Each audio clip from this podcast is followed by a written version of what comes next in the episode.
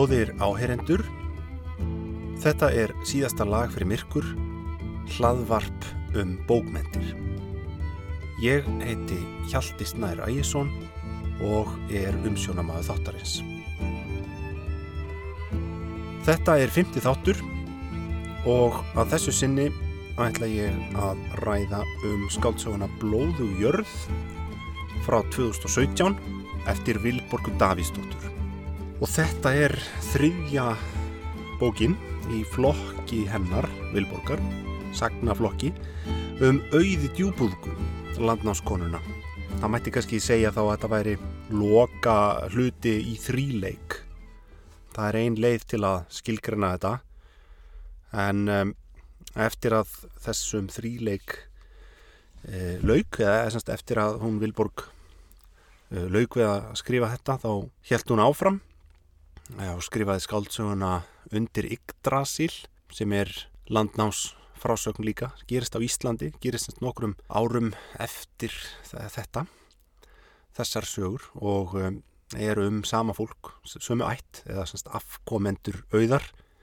Þannig að kannski er þetta eitthvað annað en þrýleikur, kannski, kannski er það villandi að líta þannig á þetta. Þetta er náttúrulega, Vilborg er enn virk og hún er enn að skrifa og, og um, það er kannski einum og snemt að skilgrana þetta sem sagna flokka og, og þó, ég meina þetta er þríleikur er eitthvað sem liggur svolítið beint við og þetta er uh, ég held að bókin hafa verið markasett svolítið þannig þetta hafi verið loka hlutin í þríleik.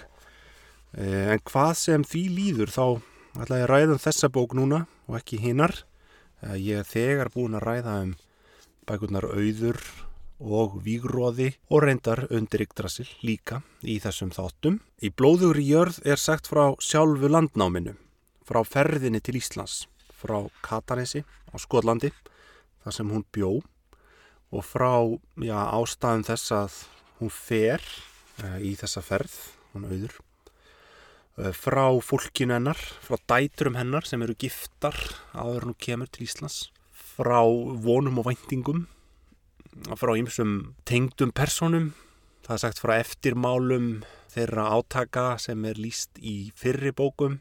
Það er ansið margt undir í þessari bók. Þetta er, ég hugsa að ég hef alla hægt að lesa þetta sjálfstætt. Það er að segja að þetta er framhald svo augljóslega og sá sem hefur ekki lesið hínabækurnar er kannski bara út á túnni einhvern veginn hér.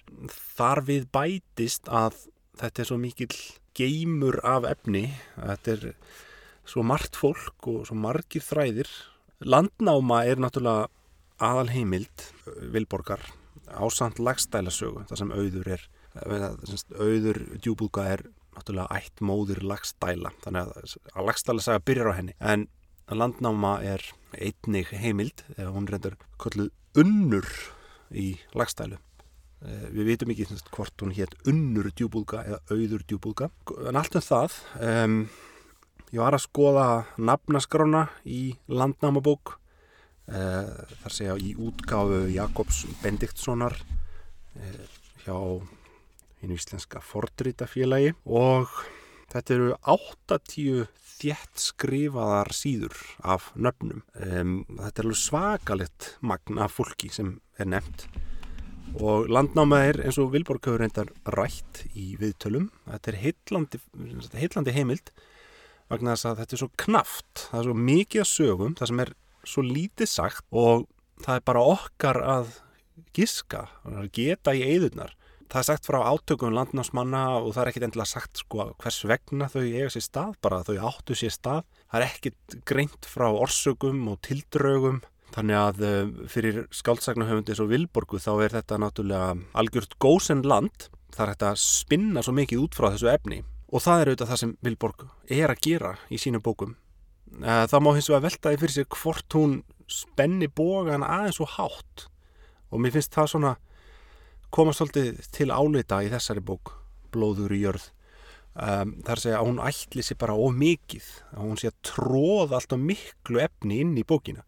Og það er ekkit endilega kostur, sagt, eh, þetta verður bara svolítið rugglingslegt. Um, það, það er ekki, sko, bókin verður ekkit betri eftir því sem meira efni er sett inn í hana. Það er ekki bara magnið sem telur.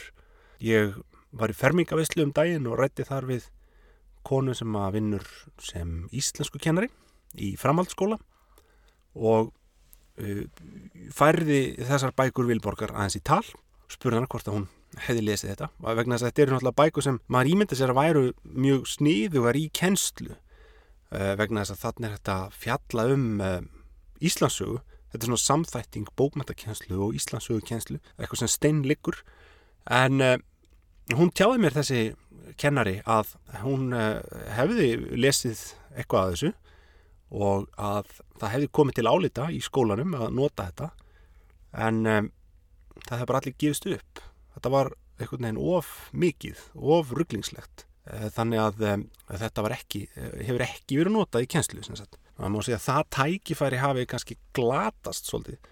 Og maður þarf að spyrja sig sko, auðvitað Vilborg er náttúrulega ekki að skrifa eitthvað pedagógískan texta og það er ekki markmið hennar að búið til kjensluefni beinlinis, hún auðvitað lætur sagna heiminn bara Eh, lúta sínum lögmálum og hérna, fer með efni í þær, þær áttir sem hún vil en það, að því sögðu þá er þetta auðvitað allt saman mjög nákvæmt í þeirri merkingu að hún fylgir eh, heimildum. Það er ekkit í þessum bókum sem hefði ekki geta átt sér stað. Og þetta eru tilgátur vilborgar um landnámið. Já, spuni út frá uh, landnámu frásögnum. Þannig að um, markmið vilborgar í þessum bókum og markmið e, til dæmis íslensku og sagfæraði kennara í framhaldsskólum, þau fara algjörlega saman. Vandin er sem ég sá að þetta í einhverju tilugum allavega virðist ekki henda til kjænslu, einfallega vegna að þetta er of hlaðið, þetta er of rugglingslegt. Krakkarnir bara náðu sér ekki, þau ná ekki tökum á því eða þetta þykir ekki vænlegt til árangus, skulum við segja. Þetta svona opnaði svolítið augum mín og ég fór að velta fyrir mér hvort að þetta þýtti þá að Vilborgu hefði mistekist með þessum bókum sínum.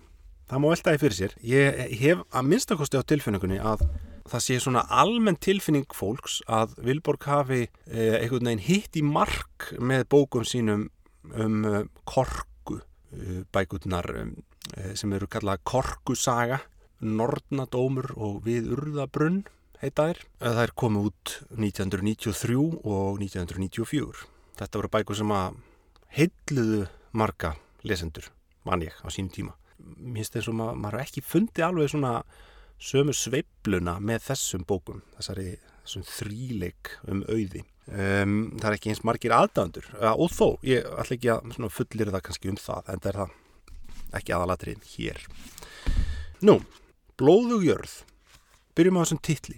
Mér lókar til að lesa hér stuttan bút úr eftirmála sem Vilborg hefur með bókinni. Hún er með eftirmála í öllum þessum bókum og það bendir nú til þess að hún sé svona, hún vilji stýra eða hjálpa lesendum svolítið.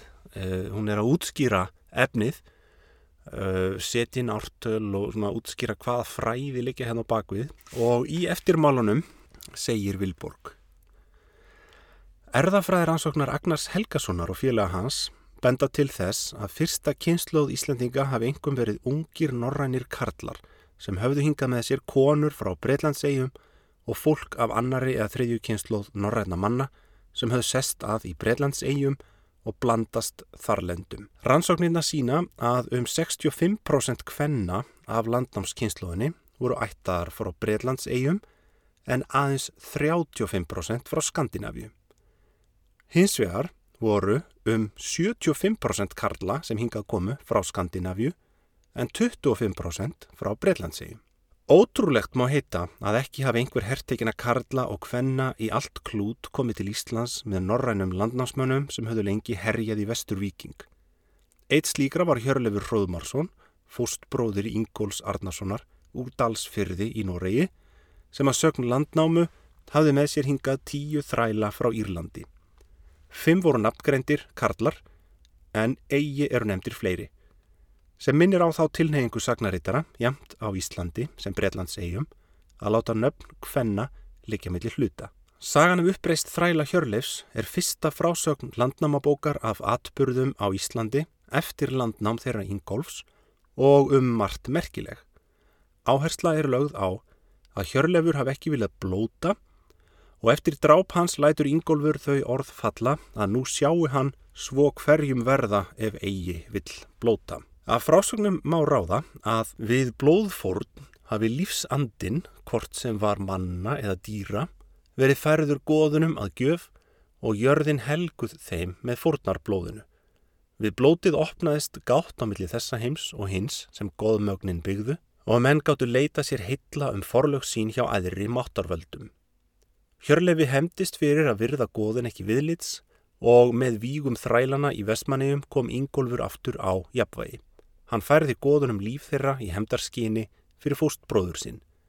Nýja landið var þannig blóði víkt, bæði norrætna manna og vestrætna. Þetta eru orð Vilborgar Davíðsdóttur úr eh, eftirmála bókarnar og hér er auðvitað komin skýringin á á titli bókarinnar, Blóðug jörð. Þannig að þetta er uh, Ingólfur og Hjörlefur þeir eru allt í hennu konir hérna inn í myndina. Uh, maður spyr sig hvað í óskupunum er þeir að vilja þarna? Þetta er bókum auði, var það ekki? En það er nú ekki fyrir nýju lók uh, já, svona síðasta fjórðungi uh, bókarinnar sem þetta skýrist sem að þræðinir tengjast eða eiga að gera það. Bókin byrjar hins vegar á Skotlandi. Dalriada heitir þetta Þetta er árið 874, það kemur hérna stuttukabli, mm, bara fimm blaðsýður um það bíl uh, og þetta er orusta, þetta er held ég með að segja skáletrað, er það ekki? Um, jú, þessi kabli er skáletraður, hann er svona öðruvísi, hann er einhvern veginn utan við hérna línulegu frásögn. Og þetta er svona forsagan. Og þannig eru átök og stríð. Og þetta er góð kunningi okkar úr fyrirbókunum Ólafur Kvíti konungur í diblinni. Hann er hérna að berjast við Kosantín, skotakonung. Og einhverju munu kannski eftir því að uh, þeir voru tengdir, þeir voru tengst með ættarböndum, þar að uh, eiginkonna Ólafs uh, svo sem kom á eftir auði, en það var uppalega ja, átti, það var kvæntur auði. Og skildi við hana í lok fyrstu bókurnar auður eftir að Þorstein Rauður fættist þess að hann taldi að hann væri ekki þetta var ekki sitt barn. Eh, þetta er, semst, nú er ég bara búið eða, þetta er uppfinning Vilborgar, það er ekki þetta er ekki raunverulegar heimildir heldur þetta sagan eins og hún segir hana. Og síðan giftist hann, eða kvænist hann e, dóttur þessa Kosantíns skotakonungs, en hér hefur allt einhvern veginn e, lend í óefni. Það eru liðin nokkur ár síðan að síðustu bóku laug það er ljóst að, að þeirra bandalag er búið og um, þarna eru bara þarna eru brotist út orusta þarna eru norræni menn að berjast gegn skotum og pjettum og þessi fyrsti kapli bókarinnar endar síðan með því að Ólafur uh, deyr. Þetta er sagan um fall Ólafs kvítam og svo er skiptum sjónarhorn. Maður verður svolítið uggandi þarna í byrjan bókarinnar þegar Vilborg er alltaf skiptum sjónarhorn og hoppa fram og aftur í tíma. Þetta er svolítið eins og hún gerir í bók nr. 2 Vígróða Um, þar fer þetta út, út í svona svolítið öfgar, eða í setni helmingi bókurinnar, þar sem hann er alltaf að skipta á milli. Ég kallaði þetta montage eh, í síðasta þætti. Eh, svolítið eins og í kvikmyndum, þar sem er svona samklipp. Og maður ímynda sér eitthvað svipa sér að fara að gerast á í þessari bók. Og bókinn byrjar vissulega þannig að það er farið fram á aftur. En svo dettur svo regla veginn niður, það er að segja Þetta er ekkit ábyrrandi í þessari bók. Sjónarhóttni er, eða sko, þráðurinn er fyrir að mestuleiti bara samfeldur. Það er ekki þetta eilíf og hopp fram og aftur. En það er smá henni hérna byrjun. Það er farið þá frá falli Ólafs Kvíta yfir til ársins 883, það nýju árum síðar. Þá erum við allt henni stött við Suðurströnd Íslands. Og þannig er auður djúbúlga að taka land á Íslandi. Hún er að sigla, er um borð í skipi sínu Við fáum að vita það að Þorstein Rauður er dáin en börn Þorsteins eru þarna með henni á skipinu og hann egnaðist sjö börn. Eh, að segja sex dætur og svo einn svon, eh, Ólaf Feilan og hann er bara kornabarn þegar þessi bók hefst. Hann er bara nýfættur og auður er svona svolítið niðurdregin í byrjum bókarinnar. Hún um, hugsar til Þorsteins sonar síns sem er dáin og hún sér eftir einhverju sem hún sagt, hefur sagt við hann uh, þegar þau kvöttust. Þau verðast hafa skílið í yllu og svo deyran og þau ná aldrei að gera upp uh, sín mál og þetta kvíli greinlega þungta á auði þegar hún er að sigla þarna til landsins. um, og uh, þannig bara sigling, þetta er bara svona stemmingslýsing, það er engin bein niðurstaði í þessum kabla og þau taka ekki eins og nýr land á Íslandi, þau eru bara hana við ströndina. Þetta er smá svona insýn og svo er aftur skiptum sjónarhótt og við erum komin á Katanes við erum komin tilbaka til Skotlands. E, fimm vikum fyrr. Og þá náttúrulega fattar maður út á hvaða bókin gengur. Þess að hún gengur út á það að útskýra hvernig komust við alla þessa leið. Hvernig komist við aftur í þennan fyrsta kabla? Þetta er svolítið eins og einhverjum svona sjónvarpsþættir, þeir byrja alltaf, eða oft, sjónvarpsþættir byrja ofta á einhverju smá, einhverju stiktri senu í byrjun og síðan bara hvernig komist við hingað?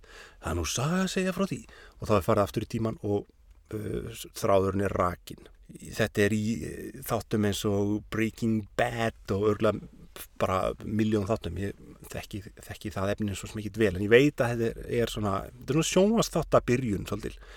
Katanes á Pjallandi fimm vikum fyrr og við förum aftur þá til þess ástands þar sem landnámið er framundan, þar sem siglingin er að hefjast. Það kemur á daginn að þetta er svona nánast skyndi ákvörðun að sigla til Íslands. Það er uppálega eh, uppálega aðrar áætlanir sem sagt en í köflunum sem taka þarna við þá er sjónarhortnið svolítið hjá unga fólkinu, hjá börnum e, Þorsteins.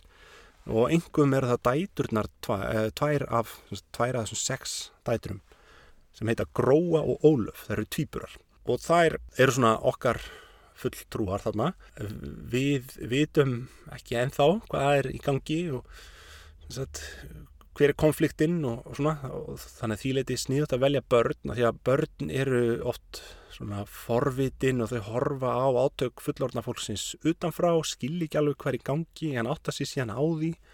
Og þær eru ungar, já þær eru kannski svona rétt orðnar kynþróska, þær eru, ég veit ekki 15 ára eða eitthvað, þær eru komnar á giftingaraldur sagt og þegar bókin hefst.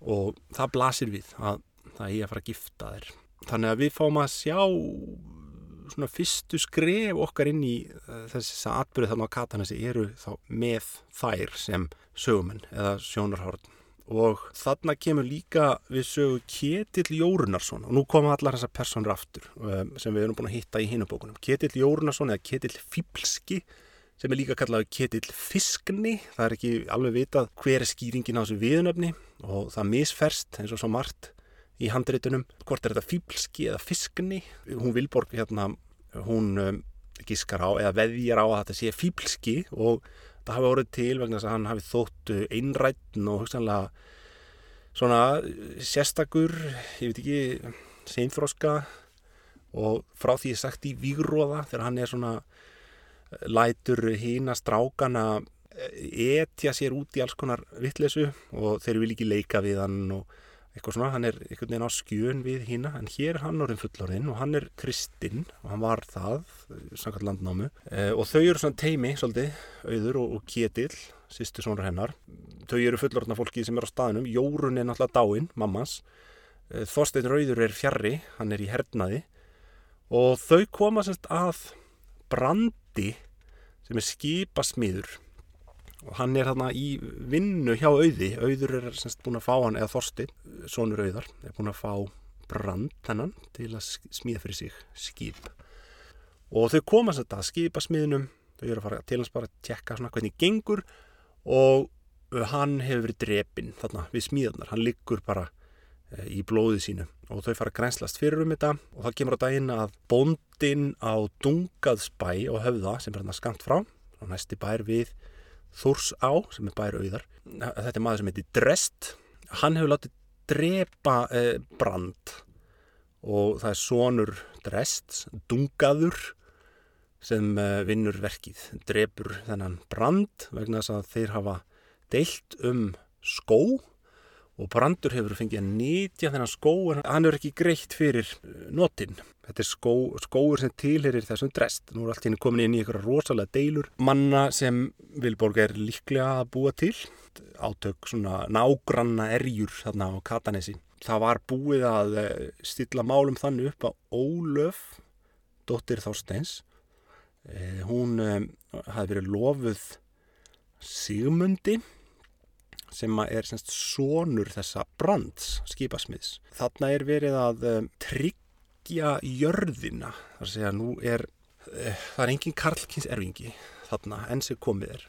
Þorstein Rauður á bara sex dætur og í þessum uh, fornu samfélögum þá eru karlkins erfingjar mikilvægir vegna að þeir erfa eigur manna og ef það er engir karlkins erfingjar ef það eru bara stúlkur þá erfist erfast allar eigninnar til tengdasónarins elsta tengdasónarins þannig að Sigmundur þessi er þá að búið að redda honum eða einhvern veginn búið að stilla upp bandalagi þar sem hann á að giftast um, ólöfum. En uh, þessir róttar þarna á dungaðspæð þeir hafa gert meira en að drepa brand þeir eru líka búin að gelda Sigmund hann hafði ekki þátt í þessum átökum komið föðu sínum til varnar þannig að nú uh, stendur auður framið fyrir þessu, þessu vandamáli eða þau fjölskyldan að, að þessi verðandi tengdasónur hann er, það er búið að geldan það ekki getur að negnast börn þá það er búið að skrúa fyrir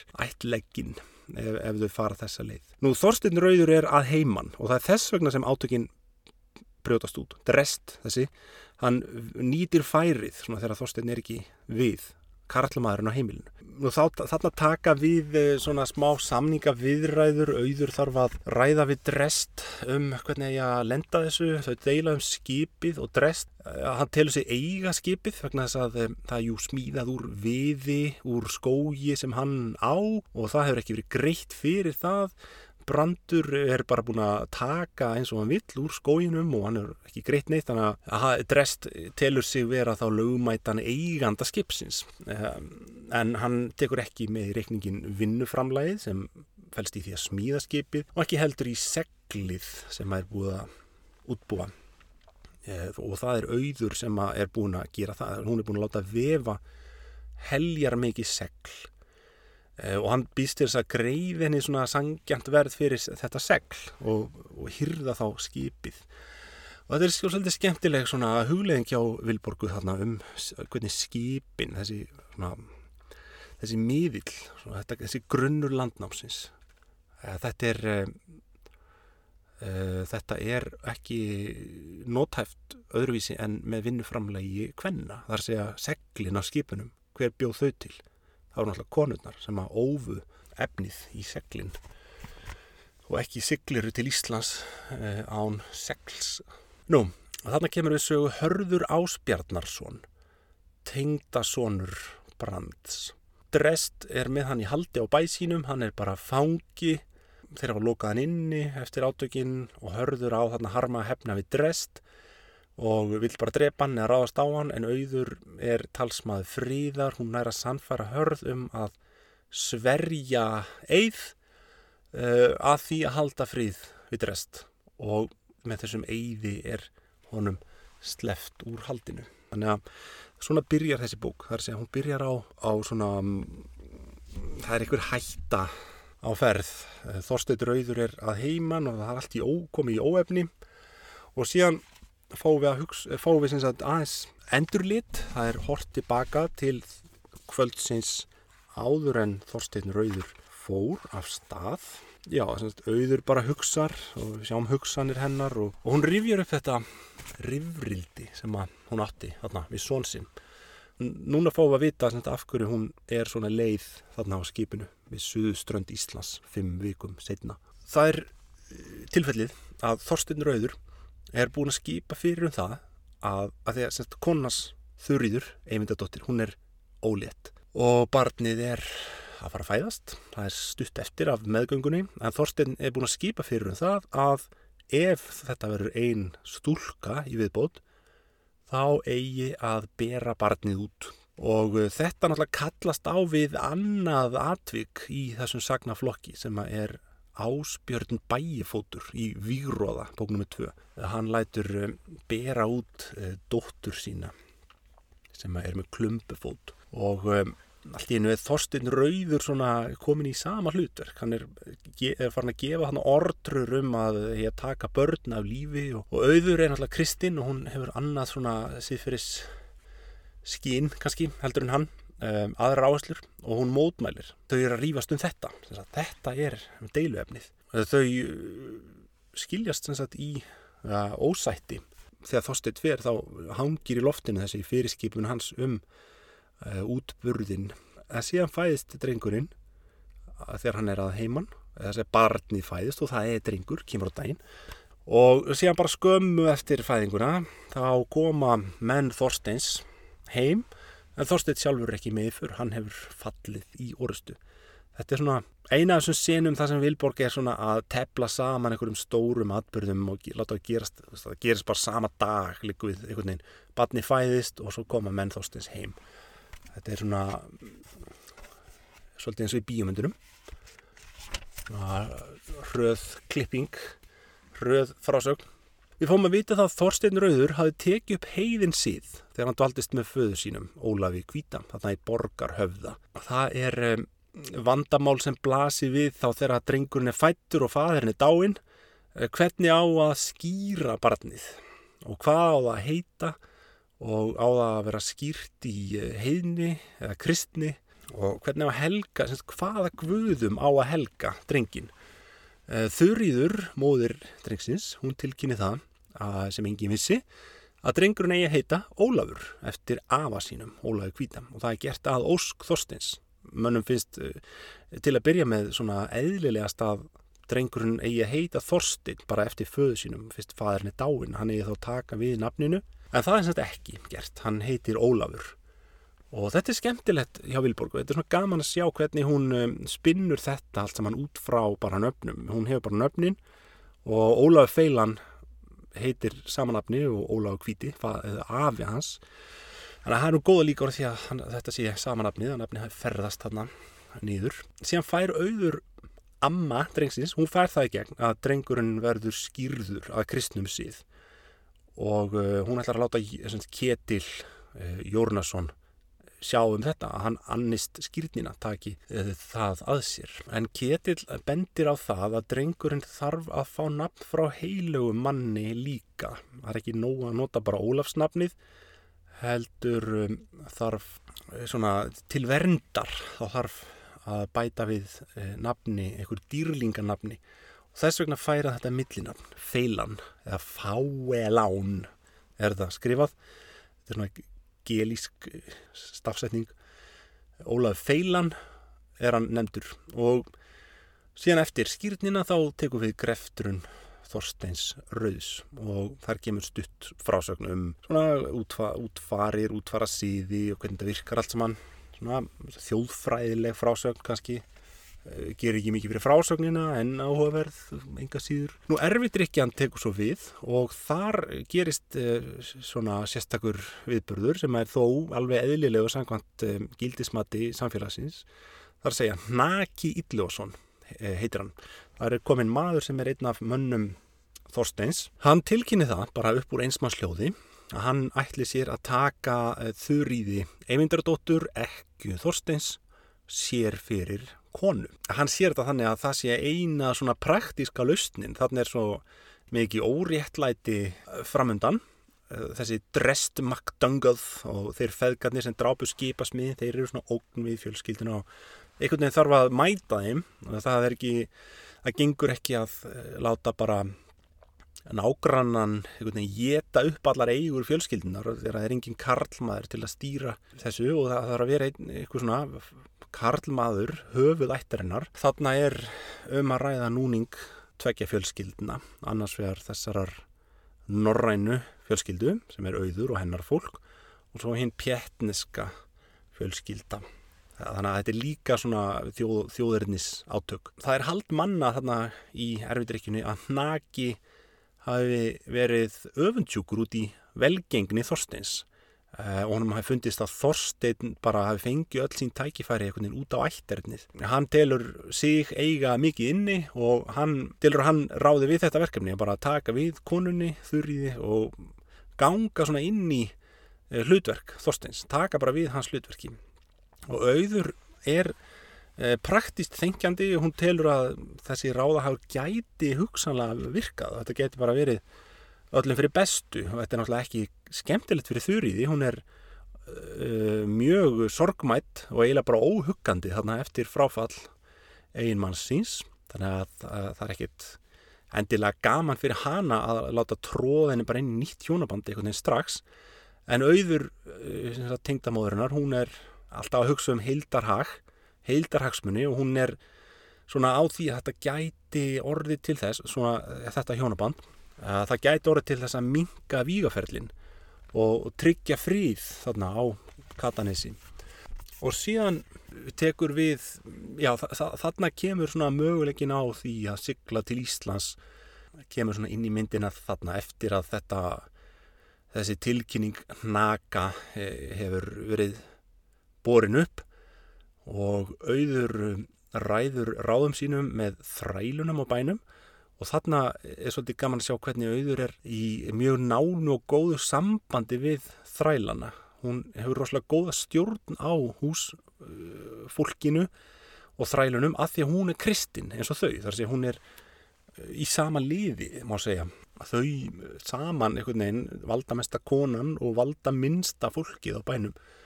Þau hafa svona samíla hagsmunni og um, auður semst ætlar að þykjast, hún þykist ætla að sigla til Orkneja og þar sem hún ætlar sér að hitta Sigurð Orkneja Jarl og byggja hann um atfylgi eða aðstóð og liðsynni í þessum átökum.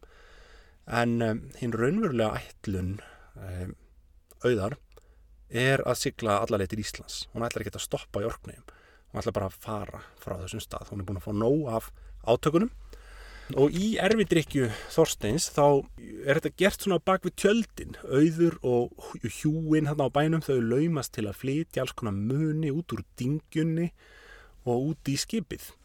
Svo þau geti bara silt af stað og séð án þess að Naki og hans menn uppgöt við þessa áallun og síðan eða þarna skömmu aður en þau fara bara um nóttina verist vera eftir erfidrykkjuna þá kemur eitt atrið sem að Eh, sem að mér finnst alveg svona einstaklega klísukent og stundum dettur Vilborg niður í eitthvað svona. Hún er svo bíómynda inspireruð í þessum bókum að það, maður spyr sig sko, er ekki þetta sagnaefni bara meira virði en svo að það þurfi alltaf að presentera það með einhverju svona bíómyndasenum og bíómyndasenan sem umræðir er það þegar auður fyrir að grafa upp eh, fjársjóð, þetta er svona fjesjóður sem Ólaður Kvíti, fyrirverandi maðurinn hennar, hafði greint henni frá. Hann sagði henni sagt, frá földum fjársjóði sem var hann í grend við bæin og hafði útskýrt fyrir henni hvar hann væri og hún geti notað hann ef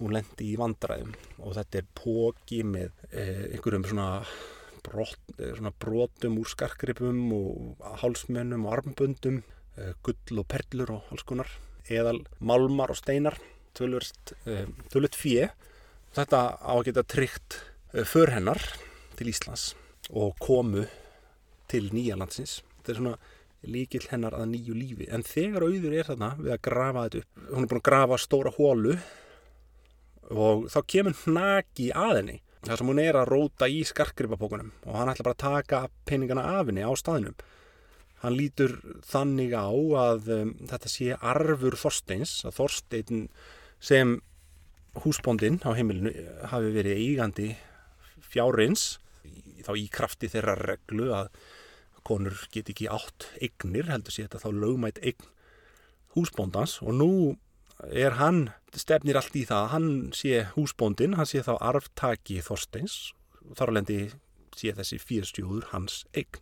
Nú eh, auður mótmælir þessu segir að það sé nú ekki búið að ganga frá hjónabandinu og Átökinn og rifrildið verður til þess að hún slær hann í andlitið með pókanum, með fías sjónum. Þannig að hann rótast og dettur aftur fyrir sig ofan í þessa hólu sem hún er búin að grafa. Það virist vera, eh, hólan virist vera nægilega stór til þess að eh, rúma þarna heilan Karlmanns líkama. Veit ekki hvað hann hefur verið lengi að grafa þetta. Ja, og hún veldi fyrir sér hvort hún er að drepa hann bara á staðnum, sker hann á háls og grafi yfir en hún ákveður að gera það ekki. Það væri glæpur sem myndi fylginni sem eftir er. Þannig að hún bindur hann á höndum og fótum. Hún verist bara vera með allar græjur í þetta bara band eða um, reypi til þess að bindan og þetta er algjörlega út úr kú þessi sena þetta en þannig verið að afgreiða hnaka. Og nú eru góð ráð dýr og nú er tíminn knappur. Eh, það þarf að sigla burt og það strax. Auður stingur af tekur með sér börn og þræla eh, öll sjö börn Þorstins og þurriði, eyvindardóttur og svo þrælar. Þetta er skip fullt af konum og þrælum. Eh, stórmerkilegt. Og sjónarhörnið er hjá gróu einni af dæturum Þorstins hún tekur eftir því að það er núningur á milli mömmu hennar, þurriðar, og ömmu hennar, uh, auðar. Uh, þurriður er híkandi þarna til að byrja með vill ekki fara af stað og þau sykla af stað og leiðin liggur semst frá Skotlandi og fram hjá Orkneium og á skipinu þá segir auður sögu, segir börnunu sögu að hjaðningum þar sem að fólk þekkir kannski orðið hjaðningavíg þetta er saga sem er frásögn sem er varfitt í snorrætu og hér er hún þá lifandi komin hinn munlega hefð, þetta er svona sínir það hvernig auður er sagnakona og hvernig sögurnar sem á snorri og aðrir lærðir menn á Íslandi mörgum árum setna eh, hvernig þeir byggðu á sagnaarfi hvenna og þegar þau er að sigla hann fram hjá orknefum siglingin er þannig sé bara ný hafin þá er Þurriður uh, hætt komin, henni blæðir mikið eftir barspurðin og uh, hún er bara við það að lognast út af á sársöka.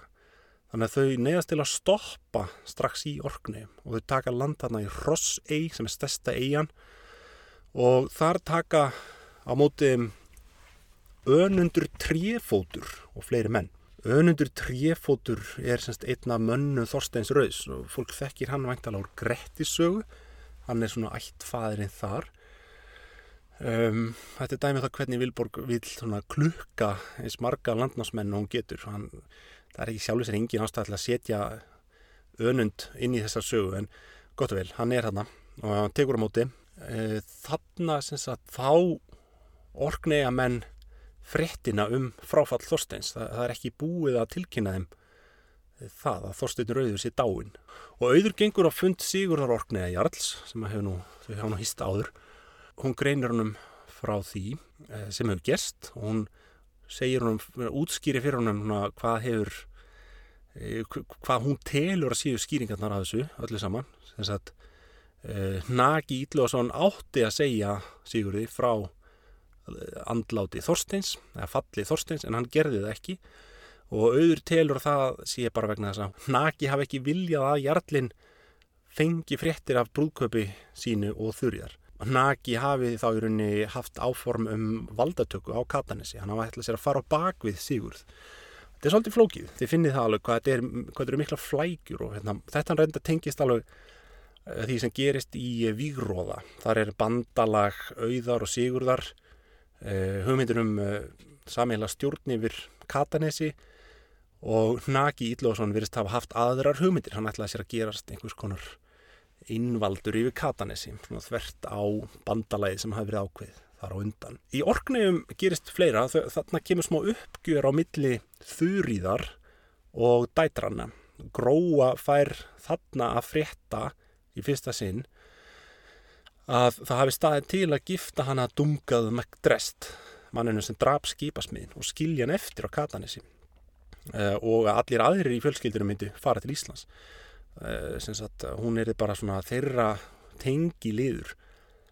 Og þurriður uh, þarf að útskýra þetta. Hún fullir að þetta hefur verið ákveðið til að tryggja fríð á Katanesi annars vegar og hins vegar til að halda þursa á bænum innan fjölskyldunar og það er náttúrulega eitt af það sem þarf að hugsa sagt, og Vilborg er greinlega svolítið á þessu nótum í, í þessum bókum að að hérna, hugsa um það hver, hversu varanlegt var landnámið og hvernig sá fólk þetta fyrir sér þegar það sildi til Íslands? Voru allir að fara alfarnir eða sá fólk fyrir sér að það kemi mögulega tilbaka?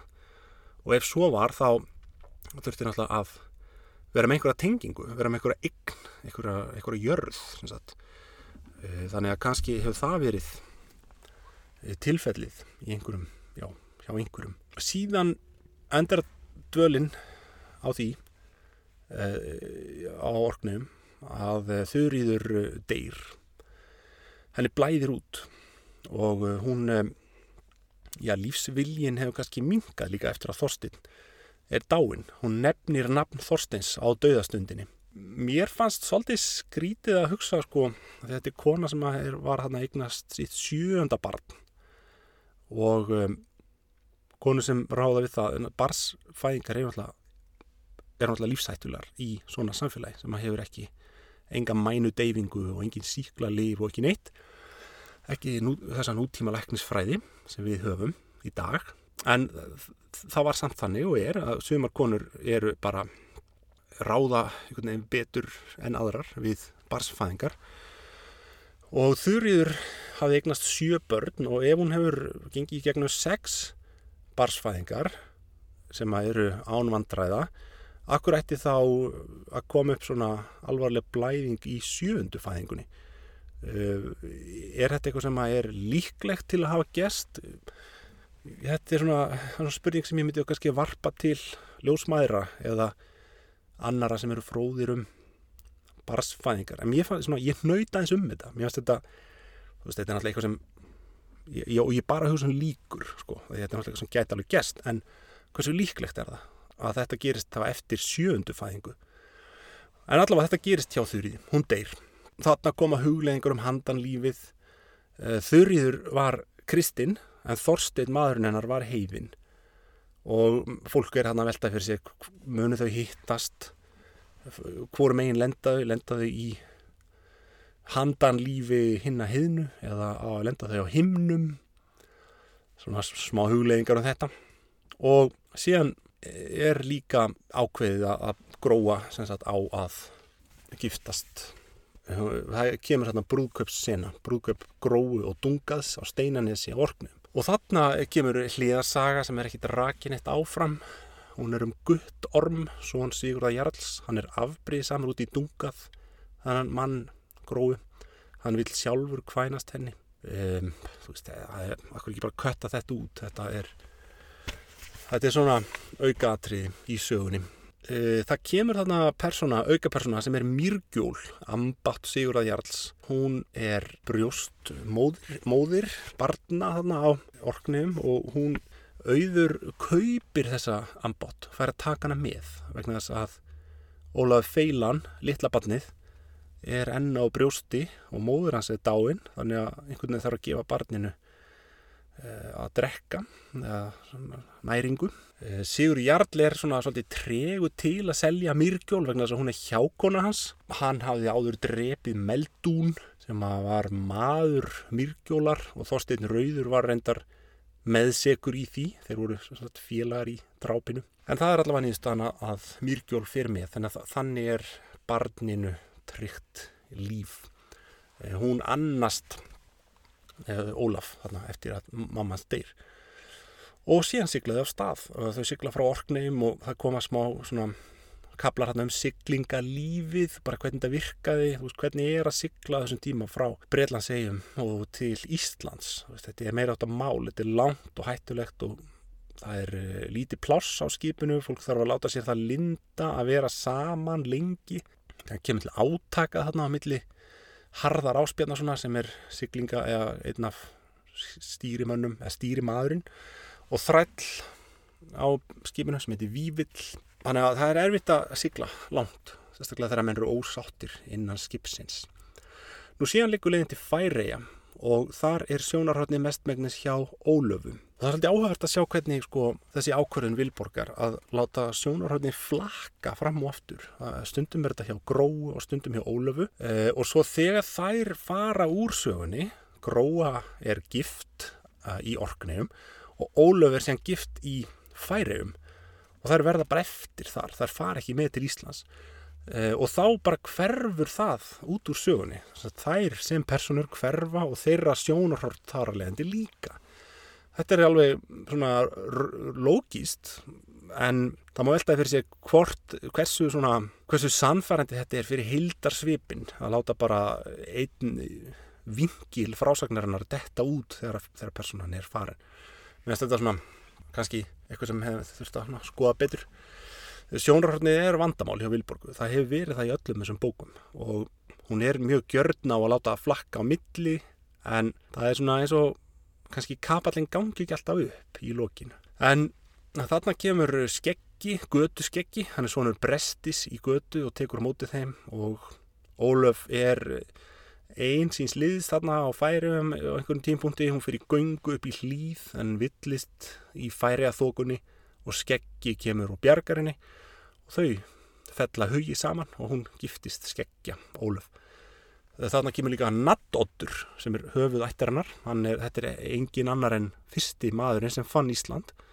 Uh, hann var ættað frá Nóri en fluttist til Færi og var eitthvað tíman á, á leið til Færi, Færi en lendi í hafvillu og sildi til Íslands alveg óvart. Það kallaði landi Snæland. Þetta vitum við úr landnámi. Og hann kemur hérna við sögum, Vilborg svona kinkar hans kollið til hans hann er orðin gamal, það, er, eru liðinir einhverju áratýr frá því hann sildi til Íslands og hann er orðin svona elli glöpin eru komin um, og svo loksins kemur að því að verðandin tekur land á Íslandi. Þau sykla hann upp Ölfus á og um, maður ímynda sér að það, það svona eigi að vera loka punktur sögunar þarna sé bara, séum við svolítið eins og auður er að sigla á sinna áfangastað þá séum við lesendur að komast á okkar loka stað í sögunni og nú verður þetta bara svona, leysist þetta bara smátt og smátt, eða semst þetta sé bara, nú sé sagan svona eiginlega búin en það er fjarrri því að vera satt vegna þess að þarna byrjar allt í hennu bara nýr þráður. Kannski er það bara sniðut, kannski ekki, ég veit það ekki mér finnst það svona sannarlega óvænt að um, þegar að við komum til Íslands þá kemur alltaf bara nýjir kabli og nýtt fólk og nýja personur og við erum búin að hafa okkur öll við að læra öll þessi nöfn og vita svona hver er hvað og hverjir eru saman í líði og hverjir eru óvinnir þá kemur alltaf bara alveg opnast alveg nýjir kabli og það kemur svona nýtt galleri af personum þetta er svona keltnest fólk þannig að brest fólk sem tekur á móti. Þarna eru e, fólk um sem er bara, er bara þrælar og, og uh, sagt, undirmálsfólk í þessu samfélagi hann á Íslandi. Þetta er auðvitað eitt af stórum málunum í landnámsfræðunum sem er uh, það sem kallaði landnámið fyrir landnám og hugmyndunum það sem eins og Ari Fróði segir að um, fyrir landná áður en norræni menn hafi komið til Íslands þá hafi verið hér keltnest fólk og írst fólk. Og þa það er svona kannski það sem Vilborg er að hugsa.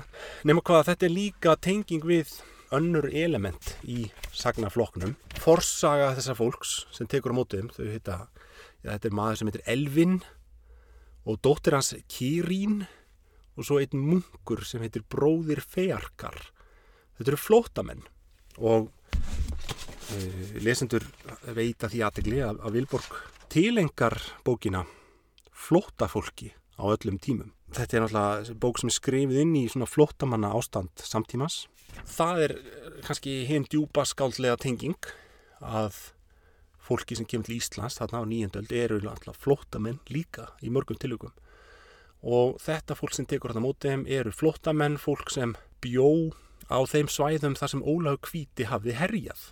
Þannig er semst komin, þannig er komin fórnar lömp þeirra e, bardaga og átaka sem að auður og hennar fólk var sjálft svolítið ábyrgt fyrir, eða ekki hún persónlega en Ólaur og Þorstein líka, svonur hennar. Akkur eru þið á Suðurlandi? Það er vegna þess að norrænir menn á Íslandi eru frekir á land og írskir eða keltneskir eh, menn fá aldrei verið í friði eða kom alltaf einhverju norrænir og yfirgangssamir landnáðsmenn sem í krafti valda og ættartengsla ná að sölsa undir sig land annara en breska fólki fær einna helst að vera í fríði á Suðurlandi vegna þess að þar er allt á kafi í ösku eftir eldgós og þannig er eh, Vilborg að hugsa um eldgós í vatnaöldum sem var um 870 svona um það leiti sem fyrstur landnámsmenninir uh, voru að koma. Þá var að ljúka miklu eldgósi og þetta fólk þekki náttúrulega landnámslægið sem er þetta gjóskulag sem er ætta úr þessu tildegna gósi og reyndar gósi sem var samtímis í Torfajökulskerfinu. Og það var semst, þetta er, þetta er gós askan sem er nótuð til að tímasetja e, leifar landnámsaldarinnar. Og mm, þarna er semst e, hugmyndin svo að Suðurlandi sé svona, menn gefi einhvern veginn e, þrælunum þessa, þessi landsvæði, þannig að þau eru lakari heldur en önnur eða þrælunum, ég meina keltneska og breska fólkinu. Nú, eh, forsaga Elvins er rakin þarna eh, seint í bókinni uh, og hann er ekkit annað en sýstursonur Arthgals breytakonungs og hann er fyrirverandi bógaskitta í hans liði. Hann er tikið til fanga í stríðinu uh, við Ólaf Kvíta en honum tekst að drepa fangavörðin og flýja úr haldi en einn svona bíómynda senan hann og menn Ólafs náunum síðan aftur en það er auður sjálf sem að því, fær það í gegn að honum er gefið líf og fær bara líf áfram í þrældómi. Síðan kemur hann til Íslands sem þræll Hjörleifs Hróðmarssonar og það er fórstbróður Ingóls og hann er fyrverandi þræll hans og þrælar Hjörleifs drápu hann. Þeir voru síðan drefnir af Ingólfi en þessi gaur, Elvin, á að hafa komist undan. Þetta er eini eftirlefandi þrællin eða einna fáum sem eftir eru uh, lífandi. Það er tengingin við hjörleif. Þetta er sem sagt tengist í rauninni þeim viðbörðum sem eiga sér stað á milli bókanna Vígróða og Blóðugrar jarðar. Þá fáum við smá insýn þarna eftir, eftir þau eru komið til Íslands og eftir þau fáum við kynast elvin þá fáum við svona aðeins insýn inn í það sem þar gerist og þá kemur á daginn í, í þeirri uppröfjun að Þorstein Rauður eh, var nú kannski ekki alveg eins eh, göfugur eins og fólk hjælt hann eh, þurriður Eyvindadóttir konarnas, hún dó í þeirri trú að hann hefði verið sanna ástin í lífi hennar og hún deyr með hans nafn á vörum. En við fáum hérna semst að vita að hann var mjög ötull gestur vændiskvenna eh, þarna í borgarhöfða og þar og í þessum átökum. Þannig að hann var nú ekki alveg, ekki alveg heilagur blessaður. En það sem gerist þarna semst, er að einna mönnur sem kemur með þeim frá færiðum til Íslands heitir Beinir Másson og hann er einn af Naddotts-sónunum eða afkomundum Naddotts hann er okn við Elvin og þegar að þetta fólk auður og hennar fylgismenn eru komnir þá er Elvin ekki lengur örgur. Hann sér fram á það, hann er þrætla á flóta og hann sér fram á það að hann þurfa að svara til saga en auður átt að segja á því hver þetta er hún reddar málum og hún tekur hann með sér. Og þarna skilja þau, ket, hún og Ketill og Ketill Jórnarsson, sýstusónrunnar fer með uh, munkinum þarna sem er nú eila valla persóna í bókinni, hann er bara nafn, hann kemur svo lítið við sögu. Og fer með honum austur á kirkjubæ á síðu þar sem að er kristið samfélag og það er þegar búið að stopna klaustur. Það er semst keltneskir eða írskir munkar og Ketill eh, finnur bara sitt fasta land þar. Hann er búin að vera alltaf á skjön í samfélaginu og hann finnur friðin eða finnur sjálfa sig kannski þá í öryggi klaustur lífsins. Og það er alveg í samræmi við landnámi. Við höfum að vita þar að Ketill er landnámsmaður á kirkjubæ og nafnið kirkjubær er bendið til þess að þar hafi þegar verið kristið samfélag áður en landnámsmenninni koma. Ketill er um, svona hrættur við tilhugsununa um það að hitta frændur sína aftur. Þeir eru á Kjalanesi og Vestanlands. Eh, þetta eru drengið sem strítónum þegar þeir voru ungir og hann vill ekkit feysa þetta aftur. Hann bara fer, gengur í klustur. Og síðan siglir auður af stað og tekur Elvin með sér. Frásögnum það þegar hún hittir Helga Bjólan, bróðu sinn, er svolítið kostuleg í landnámu og reyndar lagstælu. Ég, kannski grýp hérna nið, niður í þá frásögn og þið munið að hún heitir Unnur djúbúðka í lagstælu. Í lagstælu er sagt frá því þegar hún kemur sagt, á kjalanis til Helga bróðusins og frásögnin í lagstælu er svo hljóðandi. Síðan fór hún á fund Helga bróðu síns með 20 menn og er hún kom þar gekk hann á mót henni og bauð henni til sín við tíunda mann. Hún svarar reyðulega og hvaðst eigi vit að hafa að hann væri slíkt lítilmenni og fer í brott. Ætlar hún nú að sækja heim Björn bróðu sinn í breyðafjörð. þa þannig e, e, einhvern veginn endar þetta, það er ekkert meira sagt þau eru bara, hann býður henni að ganga með tíu menn. Henni finnst það ekki nógu vel gert. Samsvarandi frásögn er svo hljóðandi í landnámu síðan fór hún að leita Íslands. Hún kom á Vikraskeið og brauð þar. Fór hún þá á Kjalarnes til Helga Bjólu, bróður síns.